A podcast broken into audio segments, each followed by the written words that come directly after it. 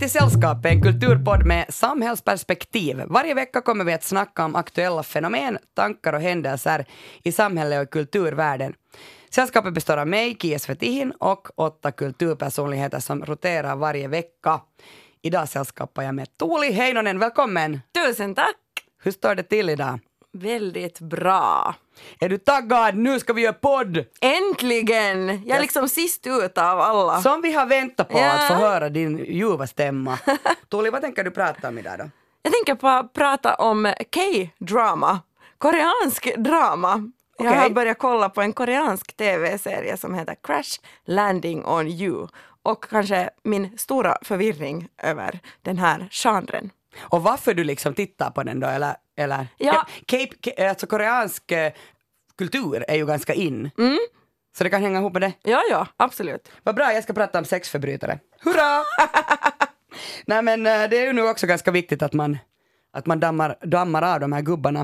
Eh, som faktiskt har blivit avdammade ganska mycket det senaste året. Ja, och Men rätt där- så. Ja, rätt så. Catch and Kill av Ronan Farrow, en bok som, som jag har läst. Och det där. Eh, sen har jag sett Filthy Rich som handlar om Jeffrey Epstein. Han tyckte om jättemycket om unga flickor. Lite för unga flickor. Yes, men hej, före det här eh, så kommer vi att eh, lära känna dig, Tuuli Heinonen. Jag har några saker jag vill veta om dig. Vem är du, Tuuli Heinonen? Jag är en kvinna. Jag är först och främst livsnjutare. Eh, jag är skådespelare till yrke. Jag är en syster, och en dotter och en kompis. Ehm, Jag är afrofinländare och eh, en hundälskare som saknar att kramas. Eh, Du är alltså skådespelare. Jag vet att du har just med buller och bång kommit tillbaka från Sverige. Du har varit Ja. spelat på Dramaten. Ja, Eh, hur, hur gick det?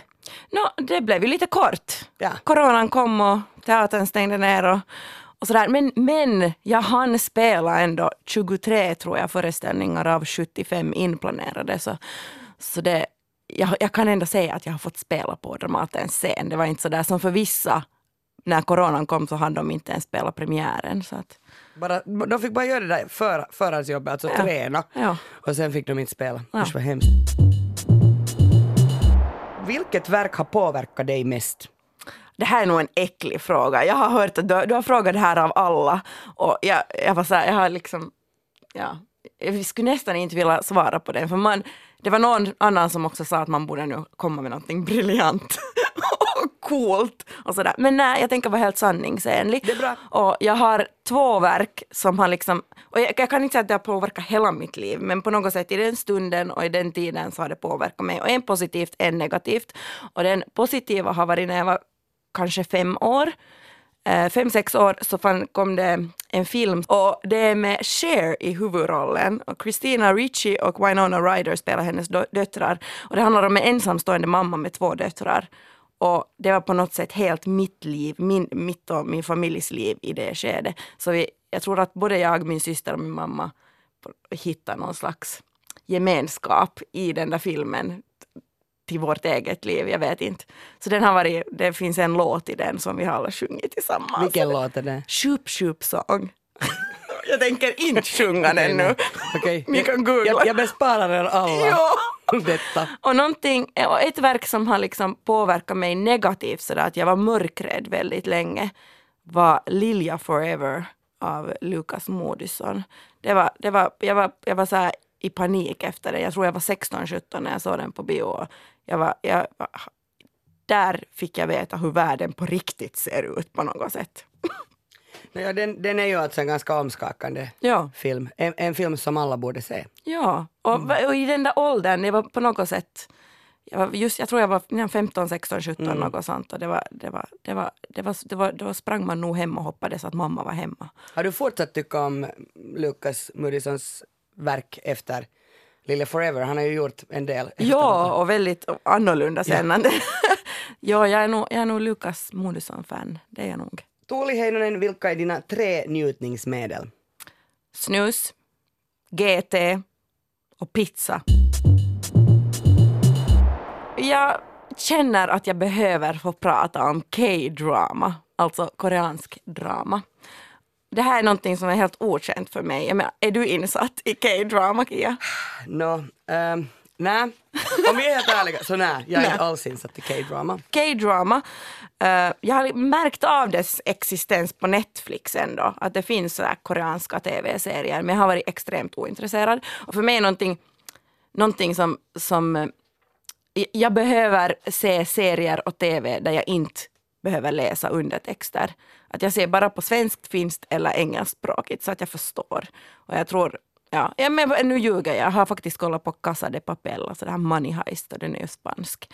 Så där blev jag tvungen att läsa undertexter. Men men ja, så jag har inte varit alls intresserad. K-pop däremot har ju varit någonting som man, det exploderar Mm. med Gangnam style och sådär, man känner till det. Men, men eh, ja, och sen har jag lite, lite kolla vidare på det här, att vad, som, vad, vad är kännetecken för K-drama. Och tydligen är det så att det finns två undergenrer. En är då nutida romantisk komedi och den andra är historisk drama. Och det är liksom, that's Alltså det är it. de två genrerna, det finns inte då thriller eller Nej. spökfilm. Tydligen inte. Men det kan ju hända att sådana här saker liksom kommer in i de här två mm, subgenrerna. Men det är liksom de största två. Och det, det som jag tycker är ganska intressant är att det görs alltid bara en säsong. Det, gör, det liksom blir inte flera säsonger någonsin. Men avsnittsmängden kan variera. Så oftast för de här nutida, nutida romantiska komedierna så är det mellan 12 och 24 avsnitt. Men sen för de här historiska draman så kan det vara 200 avsnitt. Men det är ändå bara en säsong. Alltså jag tyckte att det där, det där är att det var sådär många i det här romcom Ja. äh, äh, genren. Det, var ju, det är ju massor än det. ja, ja. Det liksom låter ju som någon Simpsons avsnitt, äh, Simpsons-säsongernas andelsavsnitt. Men okej, vad intressant. Men alltså det Ja. är ju egentligen bara ett omskriv. Alltså det, det är ju som att antingen har du många säsonger eller sen har du många avsnitt. Ja, Samma, samma resultat. Ja, men i princip. Ja, ja men jag tycker det, det, det är ett spännande val de har gjort, att, att man gör bara en säsong. I don't know. Men alltså den här serien som jag har kollat på, eh, som finns på Netflix, heter Crash Landing on You. Och jag börjar, ja, nu vill jag understryka att det här är inte någonting jag själv hittar på, att nu ska jag börja titta på det här. Utan det är en kompis till mig som har tvingat mig att se den. Och hon, hon trakasserade mig typ en och en halv vecka tills jag gav efter och började kolla och tyckte att det här var det värsta skiten jag har någonsin kollat på. Men, men sen, och hon, men det som hon fortsatte att trakassera mig, så hon ringde upp mig varannan dag och kollade hur långt har du kommit? Hur långt har du kommit? Alltså du kunde liksom inte vara så att jag tittar nog och sen tittar du inte. nej, så utan- brukar jag nämligen ofta göra. Ja, så jag blev liksom tvungen att fortsätta. Jag måste ärligt talat säga, jag har inte sett, det, är, det finns 16 avsnitt, jag har inte sett alla till slut, så jag vet inte hur den här sagan ta, liksom, slutar. Men, men ja, och jag är, jag är som extremt förvirrad över mina egna känslor. Och jag har så försökt analysera mina egna tankar.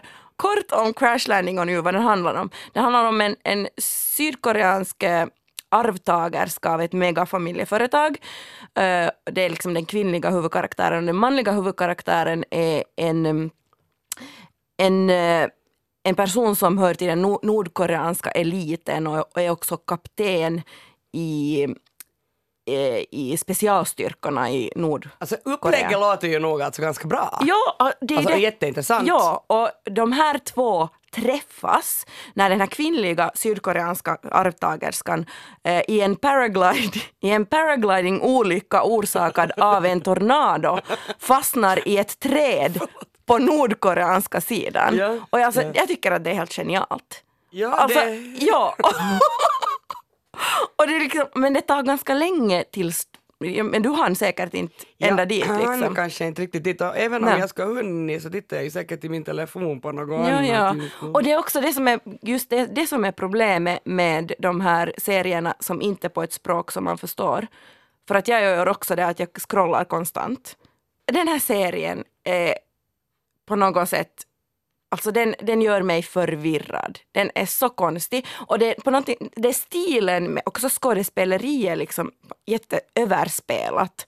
Och, och, och jag vet inte, jag blir extremt, i en sekund är jag jätteprovocerad och tycker att det är den sämsta skiten. Och sen händer någonting som lite, lite överraskande så jag liksom blir ändå intresserad. Och sen är det ju det här Ny- Nord och Sydkorea som, blir, som jag tycker att är jätteintressant. Och hur de på något sätt Det har också varit väldigt provocerande för mig hur de eh, skildrar det här nordkoreanska samhället. För, för mig, det är ju i romcom så här anda. Och det, allt jag har Det är någonsin... lite konstigt, det Ja. sa jag nog faktiskt. Jag tycker det var lite konstigt att hur Ja. det såg ut där och hur, Ja. hur soldaterna såg ganska ut. och- mysigt liksom. Ja. Och det här, men det här kan väl inte stämma. Och, och, de förskönar den på något sätt. Men sen ändå tycker jag det är lite intressant att se det från en sån vinkel. För jag menar, vi har på något sätt en föreställning om att Nordkorea är det värsta stället på jorden. Men inte det kanske alltid så. Nu kanske det finns någonting fint där också, tänker jag. Nåja, man undrar. Men, Man undrar, men, men det, jag tänkte ju så att åh, här är lekande barn på gården, bara så kan det så är det ju inte på Nordkorea, i Nordkorea. Men sen, allt jag har läst om har ju varit från de här arbetslägren och, Mm. och liksom helt så här värsta. det sätter väl kanske ens fördomar liksom på spel, men hur ska man kunna veta? Det är ju Ja, inte som att någonting, någonting som kommer därifrån är, är sådär ärligt. Den här serien har ju blivit superpopulär vä- världen över på något sätt. Okej, och vad är det som, är det liksom just det där att den är sådär crazy? Alltså det är såhär romcom, de är i Nordkorea, just hon fastnar i något träd den här Ja, sydkoreanen. och det är, liksom, det är både eh, romantisk komedi och det är action och det är liksom lite thriller i några delar och sen är det liksom extremt spänn, det finns spänningselement i den. Jag tror att den har liksom lite allt på något Mm. sätt. Alltså när det gäller koreansk, eh, koreansk kultur på det sättet så har jag, alltså jag, jag har sett Parasite. Ja. Och, och den kom ju alltså nu, när den kom säkert något år sedan redan, 2019 är den väl gjord men, Ja. men det där, eh, jag såg den alltså nu när den kom till Finland, helt alltså nu på våren. Ja. Och det där, den är ju alltså helt otroligt bra. Det är en av de bästa filmer jag har sett på, alltså säkert tio år. Så här säger jag om ganska många saker. Men, men det är faktiskt, många, att det, det var en sån film som jag inte ville att skulle ta slut. Alltså den är över två timmar lång. Och jag bara satt och tänkte så här, ah, ta inte slut för den är så otroligt välgjord. Den är helt fantastisk. Och det var också den, eh, den enda koreanska, det enda koreanska verket jag har liksom sett innan den här, den här eh, Crash Landing on You. Eh, men man kan ju inte riktigt jämföra Parasite med den här serien på något sätt. Parasite var ju liksom Nej. ett mästerverk, eller är ett Herregud, den, mästerverk. vann ju, den har vunnit liksom allt i Cannes och i Oscargalan och Ja, allt. men samtidigt, det är någonting i humorn, i liksom den här blandningen av humorn och thrillern i Parasite som jag på ett sätt kan känna igen.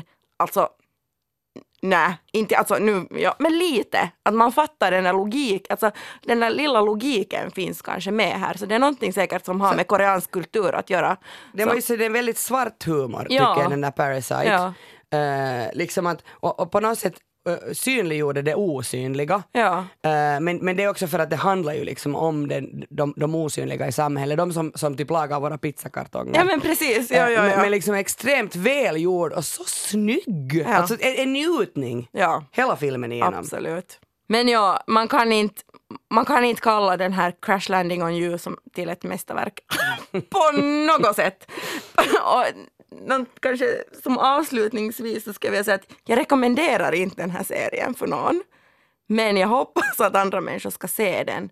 Ett annat intressant spår är, är de här K-pop-fansen. Mm. Jag läste alltså i The Guardian här helt för några dagar sedan att i och med den där Black Lives Matters Mm. så började det liksom ju, alltså människor började så här ta över den och liksom och sprida så här Blue Lives Matter och, och vet du så här Va? Ja, att, att de tog den där hashtaggen och sen började de liksom att förstöra den, alltså den här andra sidan. då som- Precis. rasisterna och så vidare. Mm. Och det där, då gjorde eh, K-pop-fanserna så att, att de liksom, de tillsammans som en gemensam kropp så, så liksom tog de över den där högerkants-hashtaggen. Mm. Och, och, det där, och, och, och, istället för att ha allt det där rasistiska skitet där eh, så började de liksom att sätta sådana videoklipp på sådana BTS och Blackpink, alltså de här, eh, de här deras största Ja. eh, vad heter musikgrupper, eller det som Ja. de lyssnar på. Och det där, och, det, det liksom gjorde sen alltså, de kunde till exempel skriva sådär att, att, att, att ja, att, att eller de, de liksom mobiliserar all sin alla sina K-pop-fans, de mobiliserar sig tillsammans dit så att de, de liksom förstörde den där hashtaggen för högern. Jag tycker det är helt Ah, otroligt. Och, och typ sådär, no, det, det var några poliser som hade varit helt sådär i Seattle att kan ni snälla liksom berätta eh, var det finns demonstranter att kan ni tjalla åt oss? Och då hade liksom hela den där äh, ha- hashtaggen istället mm, fyllts upp av sådana här K-pop-artister som hade skrivit att, att den och den har stulit mitt hjärta, ta, fa, ta fast honom. Eller vet så här, att, att den, den och den äh, K-pop-artisten har äh, jätte, är jättesnygg. Liksom att please bring him in.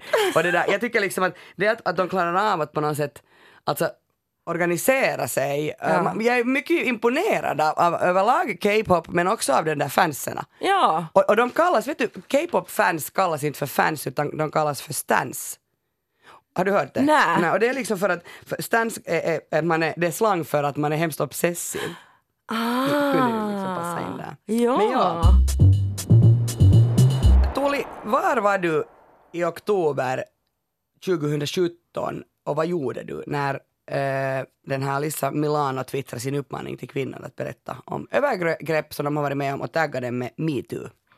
Jag eh, var nog i skolan, på Teaterhögskolan i Helsingfors. Eh, ja. Kommer du ihåg liksom att ble, vad, hände, vad hände med dig då när den kom? Alltså, typ, taggade du dig?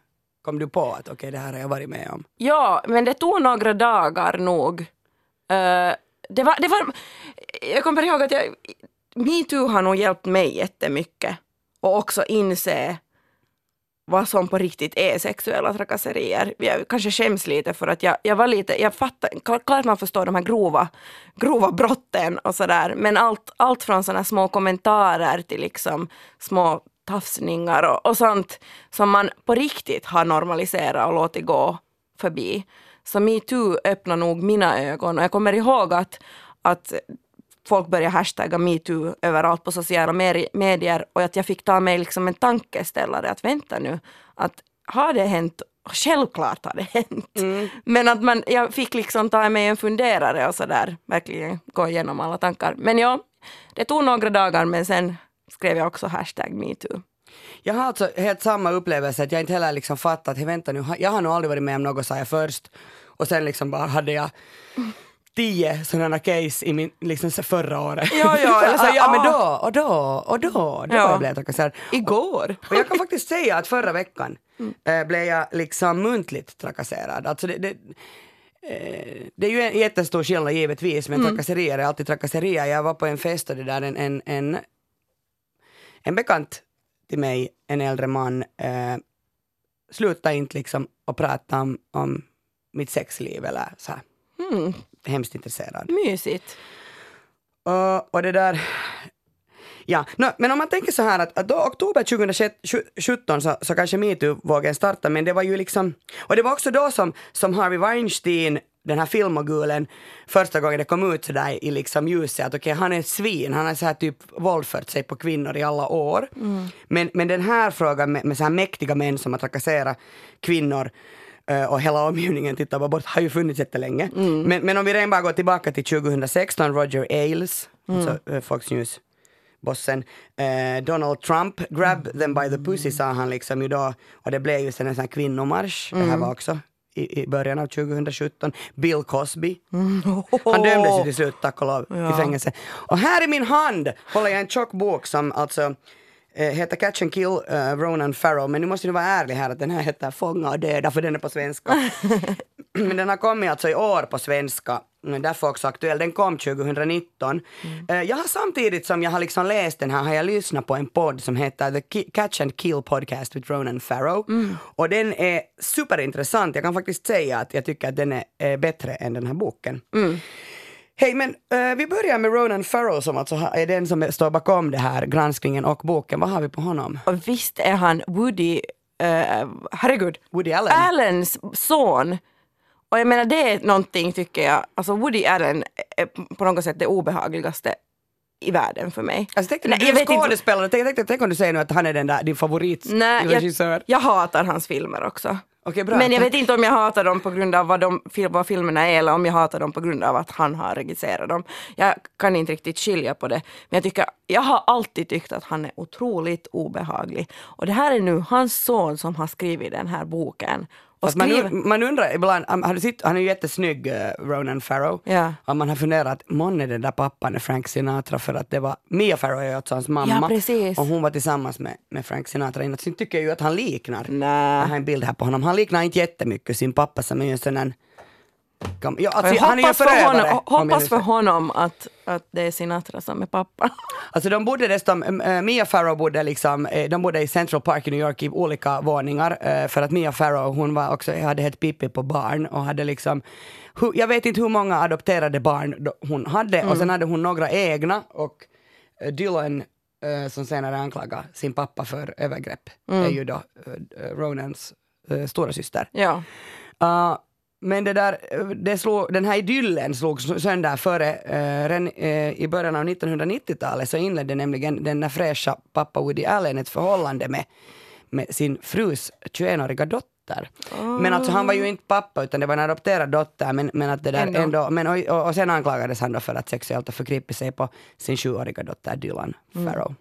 Men okej, det är med mannen som har, skrivit, författat den här boken Fånga och döda. Som, alltså, Skriver han om sin pappa? Ja, den handlar också, den är hemskt personlig den Ja. här boken. Harvey Weinstein, vad har vi på honom? Åh, oh, gud.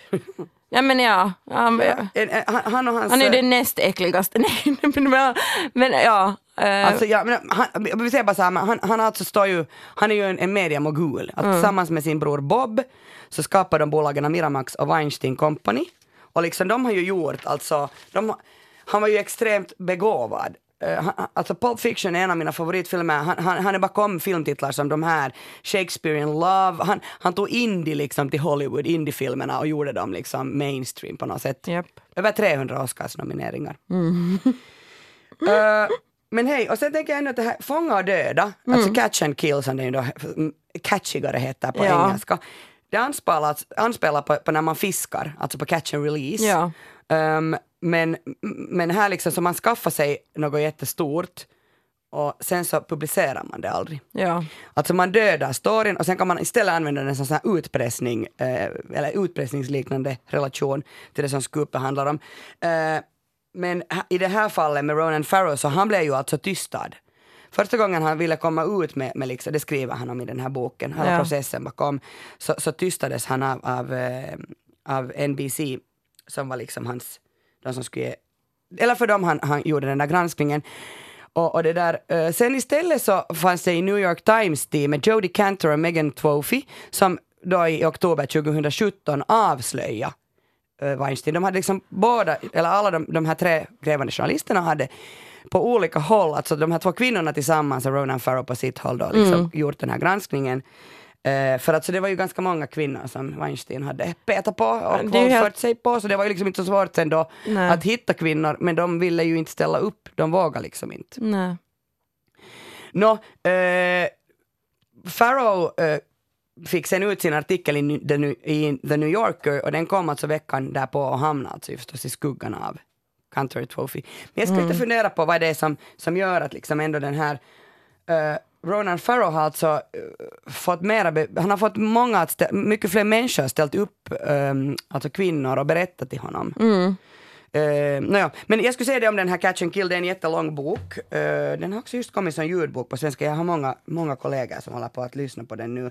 Men den är liksom näst, den är över 500 sidor lång och jätte liksom långrandig. Att jag är lite sådär att, att någon skulle kunna ge åt honom en, en redaktör som skulle ha varit, så att nu ska du ta bort lite här, lite text. Och han är alltså, eh, han är också jättebitter för Ja. att han blev andra. Ja. Och, och det slår igenom den där bitterheten eh, ganska ofta. Och den är jätte liksom detaljrik helt enkelt. Alltså den här, eh, den här andra boken, det, är alltså den som var av Jodie Cantor och Megan Twofy, den heter She Said. Och, och det där, den har jag inte läst men jag Nej. har hört att den är helt extremt bra. Ja. Och att den här är inte lika bra. Hej, men, men det som jag funderar liksom med, med hela- hans bok, att, att det som jag tycker, eller överlag med, med Weinstein är ju liksom att det känns jättetryggt Ja. att, att läsa den här boken för man vet hur den slutar. Man Ja. Mm. vet att Weinstein sitter nu i fängelse. Dömd till 23 år. Ja. Att det finns väl någon form av rättvisa. Han är ju gammal och sjuk, eller i varje fall gör han sig hemskt gammal och sjuk. Jag såg det när, när han då föddes till, Ja, ja, till ja, rätten ja, och ja. hade någon rullator. Och, Men har du läst Klubben av Matilda Voss Gustafsson? Det har jag inte. Den är så otroligt bra. Alltså jag tycker liksom att den här Ronan Farrow skulle kunna lära sig av Matilda. Liksom. Matilda gjorde ju eh, hon var inte kanske den där typiska äh, grävande journalisten utan hon var hemskt försiktig Mm. och, och känslig. Och det som jag tycker mest om med Matildas äh, klubben var att hon gick, alltså det var Matilda ju som fick hela svenska äh, akademin på fall och, Ja. och det där som granskade de här kvinnorna som, eller hon granskade alltså Jean-Claude Arnault. Mm.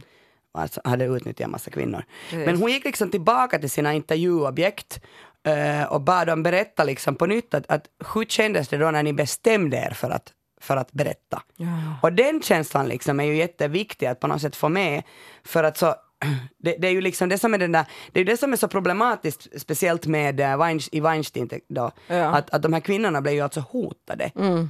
Eh, och, och överlag hade de ju när de, när de, när de blev eh, sexuellt trakasserade Mm. så hade ju Weinstein alltså satt sin makt mot dem så var det helt så att du blir ingenting i Hollywood. Vet du, jag ser till att du inte får en enda roll om inte du ställer upp på det här och det Åh, här. man blir så arg. Det där, i DN då för några, några veckor sedan så var där en lång artikel där Matilda Voss Gustafsson då hade intervjuat Ronan. Och jag funderade sen faktiskt när jag läste den, den var jättebra gjord, att, eller var det faktiskt så här att Ronan fick, Ronan Farrow fick prata med Matilda. Uh. Men de pratar ganska mycket om det här att blir man paranoid för att så eh, lika mycket som Weinstein, de här mäktiga gubbarna då eh, plågar och hotar eh, sina offer så gör de ju samma med, med journalister, liksom grävande journalister. De vill ju inte bli fast. Nej. Och då, då, då, berättade den här eh, Ronan att, att han var liksom, han fick såna konstiga direktmeddelanden på sociala medier. Han blev ständigt kontaktad av, av olika journalister. Det var speciellt en journalist som började liksom till slut så hota honom. Och, och, och han, till slut slutade han att äta, han slutade sova. Om hans pojkvän inte svarade när han, när han ringde så ringde han ringde om och vet du, han blev så här paranoid. Ja. Och det där, han, han skaffade till slut också en pistol. Och, och det, så visade det sig alltså att, att Weinstein använde sig av Black Cube, alltså så här israeliskt säkerhetsföretag Ja, ja. bestående av Mossad-agenter som alltså förföljde honom. Och i den här podden, den här som jag då följt med samtidigt, Mm. som Ronan Farrow gör, så, så intervjuar han en av de där agenterna som hoppar av. Oj! Det är jätteintressant, han är från Ukraina. Ehm, och, liksom, och de pratar om det så här, att det var så sjukt och tänk att, liksom, att han hade en sån makt, att han använde Black Cube säkerhetsagent. Ja. Eh, men, men det där är helt otroligt och den här, det säger liksom uh, Matilda Gustafsson eh, att, att hon hade nog, hon hade ju inte samma uh, skräck och, och DN var bakom henne hela tiden men nu Nej. sa hon att det stundvis så kändes det som att Tänk om, om någonting händer och jag inte får publicera det här. Mm. Och, och också att hennes, de, här offer, de här hon intervjuade, de som hade kommit fram, så de hade fått börja få såna hot att den här storyn kommer aldrig att publiceras. Så det finns ju hela tiden det där överhängande hotet. Man, det krävs nog mod för att liksom våga ta sig an ett sådant här projekt.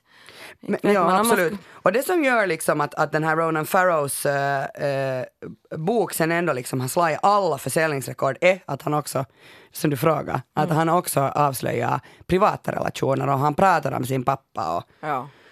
Och, och han låter alltså så här inre dramatik ta jättestor plats medan den här, den här She Said-boken är, är mer så här sparsmakad med, med deras, alltså man får inte lära sig så mycket om de journalisterna. Ja. Vilket ju alltså i sig, det är ju saken man egentligen vill veta men det här är liksom skriven som en thriller. Rose McGowan är ju en, en av dem som var den här första som twittrade om Weinstein. Ja. Eh, Men hon, hon har inte gett uh, intervju till She Said uh, journalisterna men hon gav nog till Ronan Farrow. Jaha. Och, och det där, det var alltså, det sa, säger hon själv åt honom att det är för att du har själv genomlevt det här. Du vet vad det här handlar om, att, Ja. att bli förgripen på.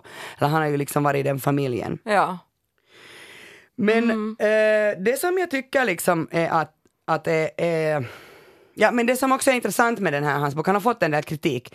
Faktiskt nu, den här veckan så har en New York Times eh, journalist, Ben Smith, eh, skrivit att hans rapportering skakas i grunden. Och det handlar liksom om att att han, okej, att Ronan Farrow, han fabulerar inte. Det är inte som att han hittar på något. Nej. Men hans rapportering kan vara vilseledande. Jaha.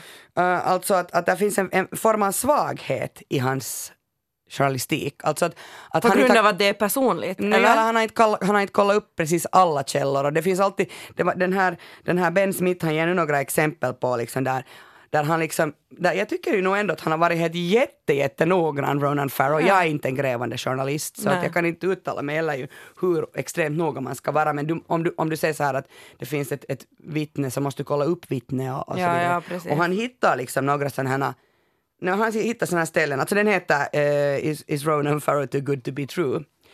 Men, men det gör ju inte, alltså, han fabulerar inte, han har inte hittat på det här Ronan Farrow, men han kanske drar lite för snabba kurvor. Ja, ja.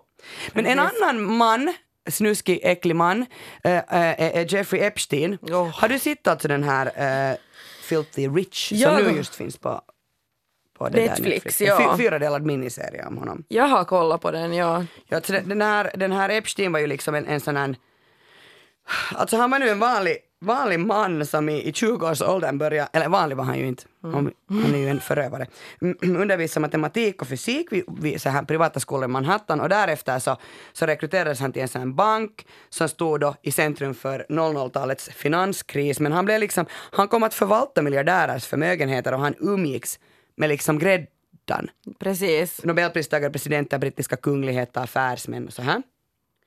Eh, och, och redan 2008 dömdes han till 18 månaders fängelse, men, men, men han satt liksom 13 månader. Och, men, men sen alltså i 20, var det 2018 så greps han och eh, sattes i fängelse misstänkt för trafficking. Ja. Och, och vi talar alltså om hundratals uh, underåriga flickor, Det var ett tonåringar. helt otroligt nätverk han hade byggt Ja. upp. Han, alltså sexuellt, ett sexuellt pyramidspel hade Ja, han byggt ja. upp så obehagligt. Han begick sen självmord i sin cell så han liksom är också död. Jag tänker att när det är Weinstein är ändå fångad och fast han kan inte göra illa och Epstein är död så han kan inte heller mera göra illa till någon. Nej, men samtidigt, jag blev jätteprovocerad över att han dog. Att han tog självmord, eller hur han, det var, det var också lite oklart att hur han dog. Men jag blir Man så här, vet inte, det finns konspirationsteorier. Ja, men det kom också, det, det känns som att han kom undan på något Mm. sätt. Han behövde inte sitta av det där straffet. Och, Men, men jag funderar ändå liksom på det där med, för alltså, sen, också en intressant take på det här är den här G- eh, Ghislaine Maxwell som var hans flickvän. den där kvinnan, Ja. och hon kom undan Madame. helt på något sätt. Hon bara, hon bara försvann och hon kommenterar inte och man vet ingenting om henne. Hon lever säkert Hon lever fortfarande men nu måste hon ju, hon var ju liksom sån som locka, locka de här unga flickorna. Och jag upplevde att hon också var med, med i de här akterna kanske, att hon har liksom på något sätt också varit eh, Hon har också varit en förövare. Förövare. Ja. Och, och det där, det här, jag tänker också på Frostenson som var alltså Jean-Claude Arnauds fru, eller som är Jean-Claude Arnauds Mm. fru, så hon var ju också en sån här som, i varje fall i Matildas bok, eh, klubben kommer det fram liksom att många av de här kvinnorna var helt såhär, men, ah, men Chris, eh, Katarina Frostenson hon är ju jätteerkänd poet. Mm. ah, men hon, hon, är ju, liksom, hon är ju med, eller hon är ju där, det kan inte vara någon fara, jag, jag går hem till honom, sen blev de våldtagna. Och, också Weinstein hade bland annat, han hade många kvinnor som försökte hjälpa honom, men, men att bland annat en sån här Lisa Bloom, en sån här framstående advokat för brottsoffer, som har liksom hela tiden försökt sänka offrens trovärdighet.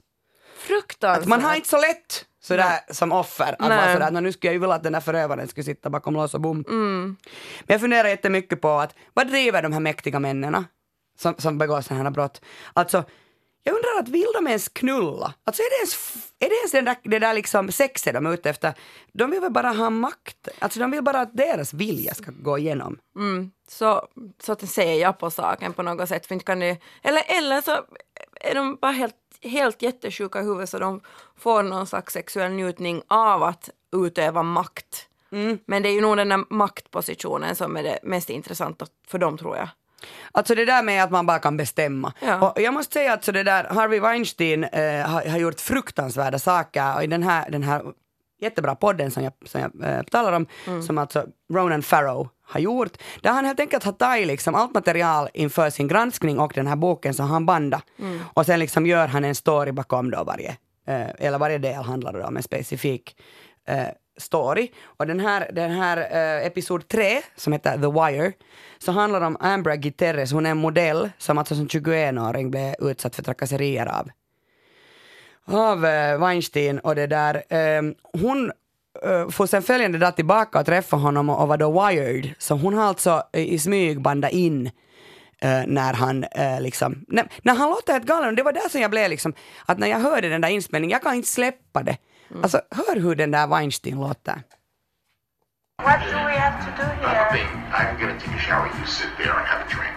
Water. Don't drink. Uh, can I stay on the bar? No, you must come here now. I want to do something I don't want Go to. to the bathroom. Come here. Listen to me. I want to go downstairs. The most damning portion of the recording comes when Gutierrez asks Weinstein why, the day before, he touched her breasts. And Weinstein says, I'm used to that. Come on, I'm used to that. But on. are you used to that? Yes, come in. No, but I'm not used to that. Det var alltså uh, Amber Gutierrez och Harvey Weinstein ni hörde där och sen också Ronan Farrow var den där rösten som kom på där. Men den där, alltså det är så obehagligt den där när han är bara I'm, come on, I'm used to that. Alltså den där makten är det där som jag egentligen nu liksom tycker att det nej, det är ju det obehagligaste och att de har den där makten och att alla andra är helt chanslösa. Ja, och att de vet det. Att jag kan göra precis som jag vill med dig just nu. Precis, jag tänkte, jag tänkte på det här sen jättemycket att, att den, här, den här muntliga trakasseraren som jag då träffade för någon vecka sedan så till slut liksom så blev jag helt så att, att när han aldrig slutade och det blev så obehagligt liksom, inte har det väl med någon annan att göra än mig själv, mitt sexliv. Ja, det har det inte. Så jag sa sen till honom bara, så kan du hålla käften liksom, jag orkar inte prata om det här. Vet du, att hur mycket knullar jag med vem har inte på riktigt med dig att göra. Det hjälpte inte.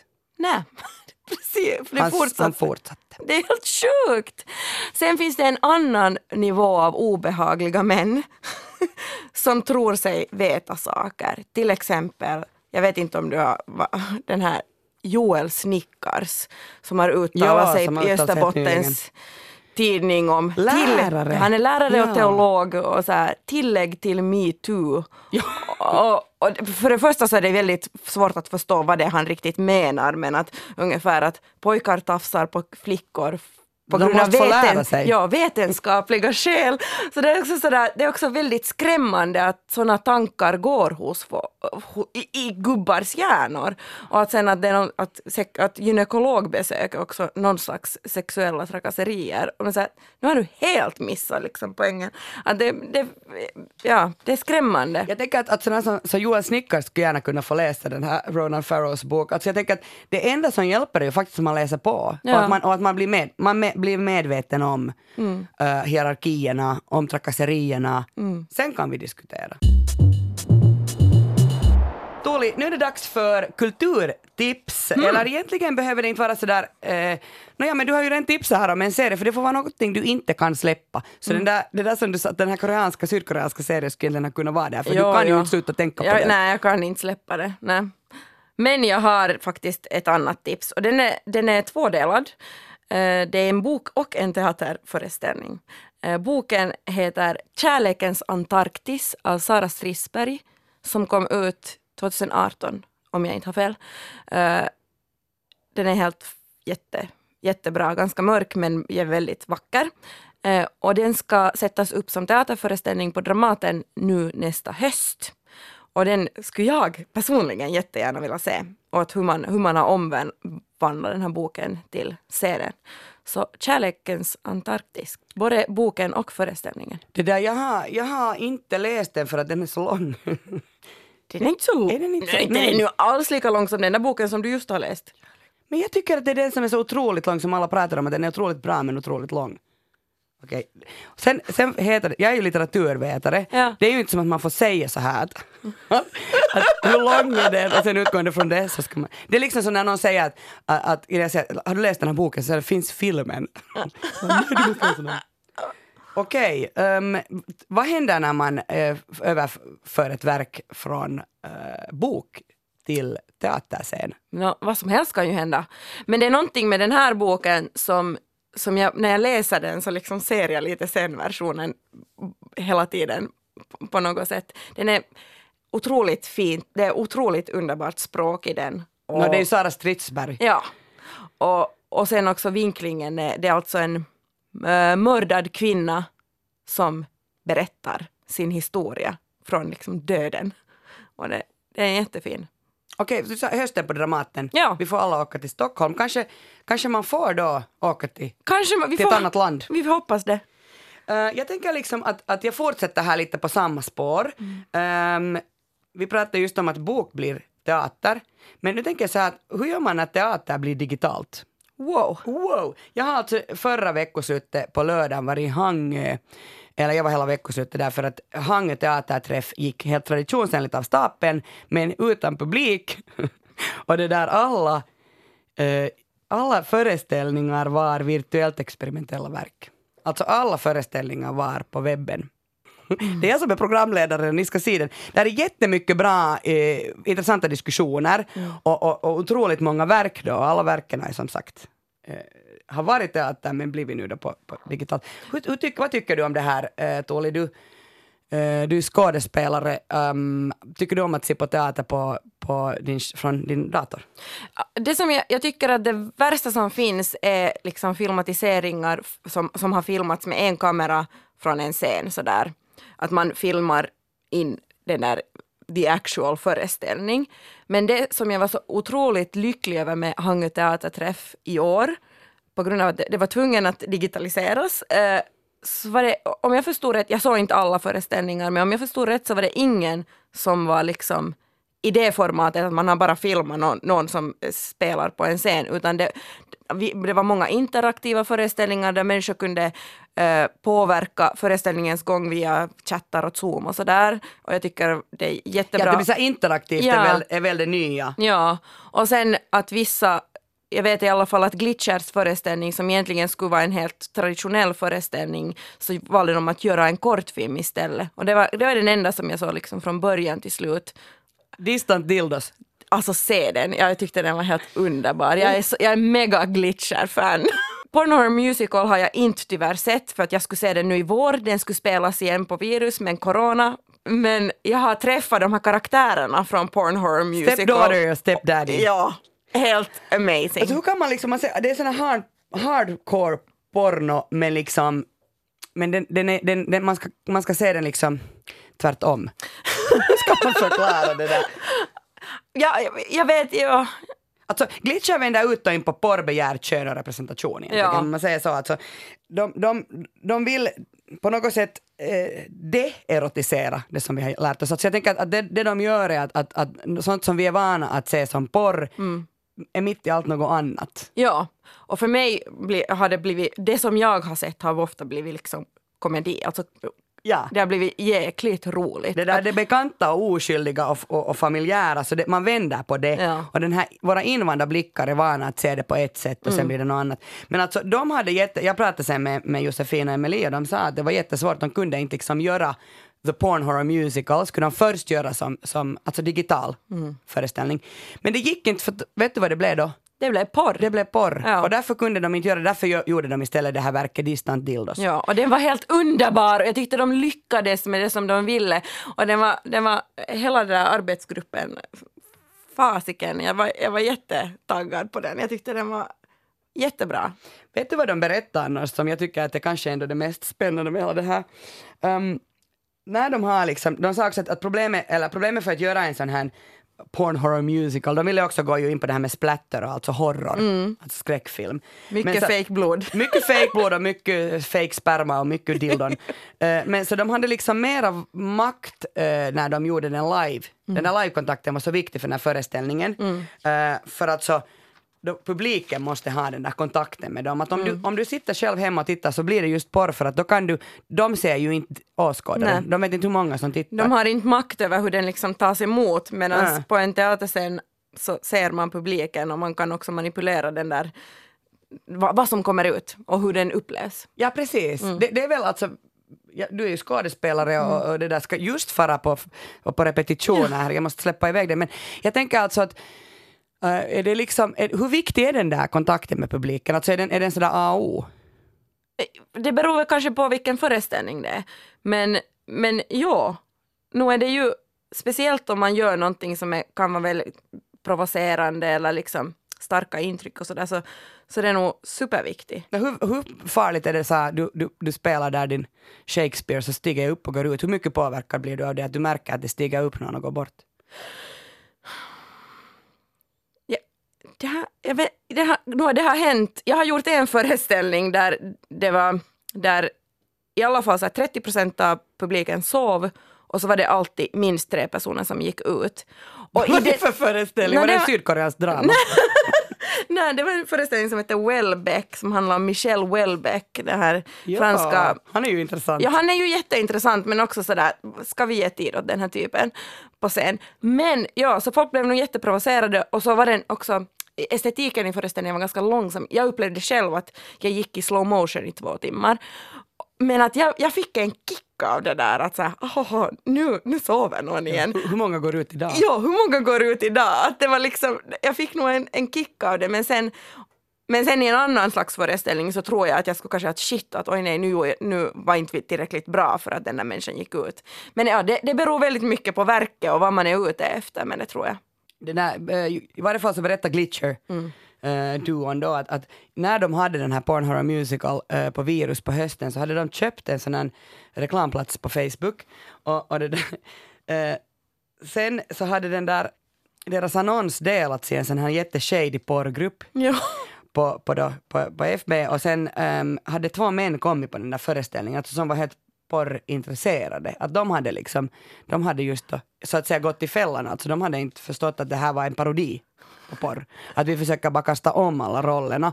Eh, och, men de hade varit jätterespektfulla, de hade kommit på föreställningen, sett den och efteråt frågat kan vi gå på öl? Och förstås eftersom både Josefina och Emilie är fantastiska människor så sa de det är väl klart det och så gick de på öl med de här människorna. Tycker det så otroligt bra his- historia. Ja. Men, men det där för mig är nog alltid den här Porn Horror Musical, det är nu den man ska se. Men i, i, i väntan på att man får se den live så kan man ju trösta sig då med att titta på Hangö Teaterträff livestreamen och där, där är Distan Tildos. Som är Porn Horror Musicals sura tvillingsyster.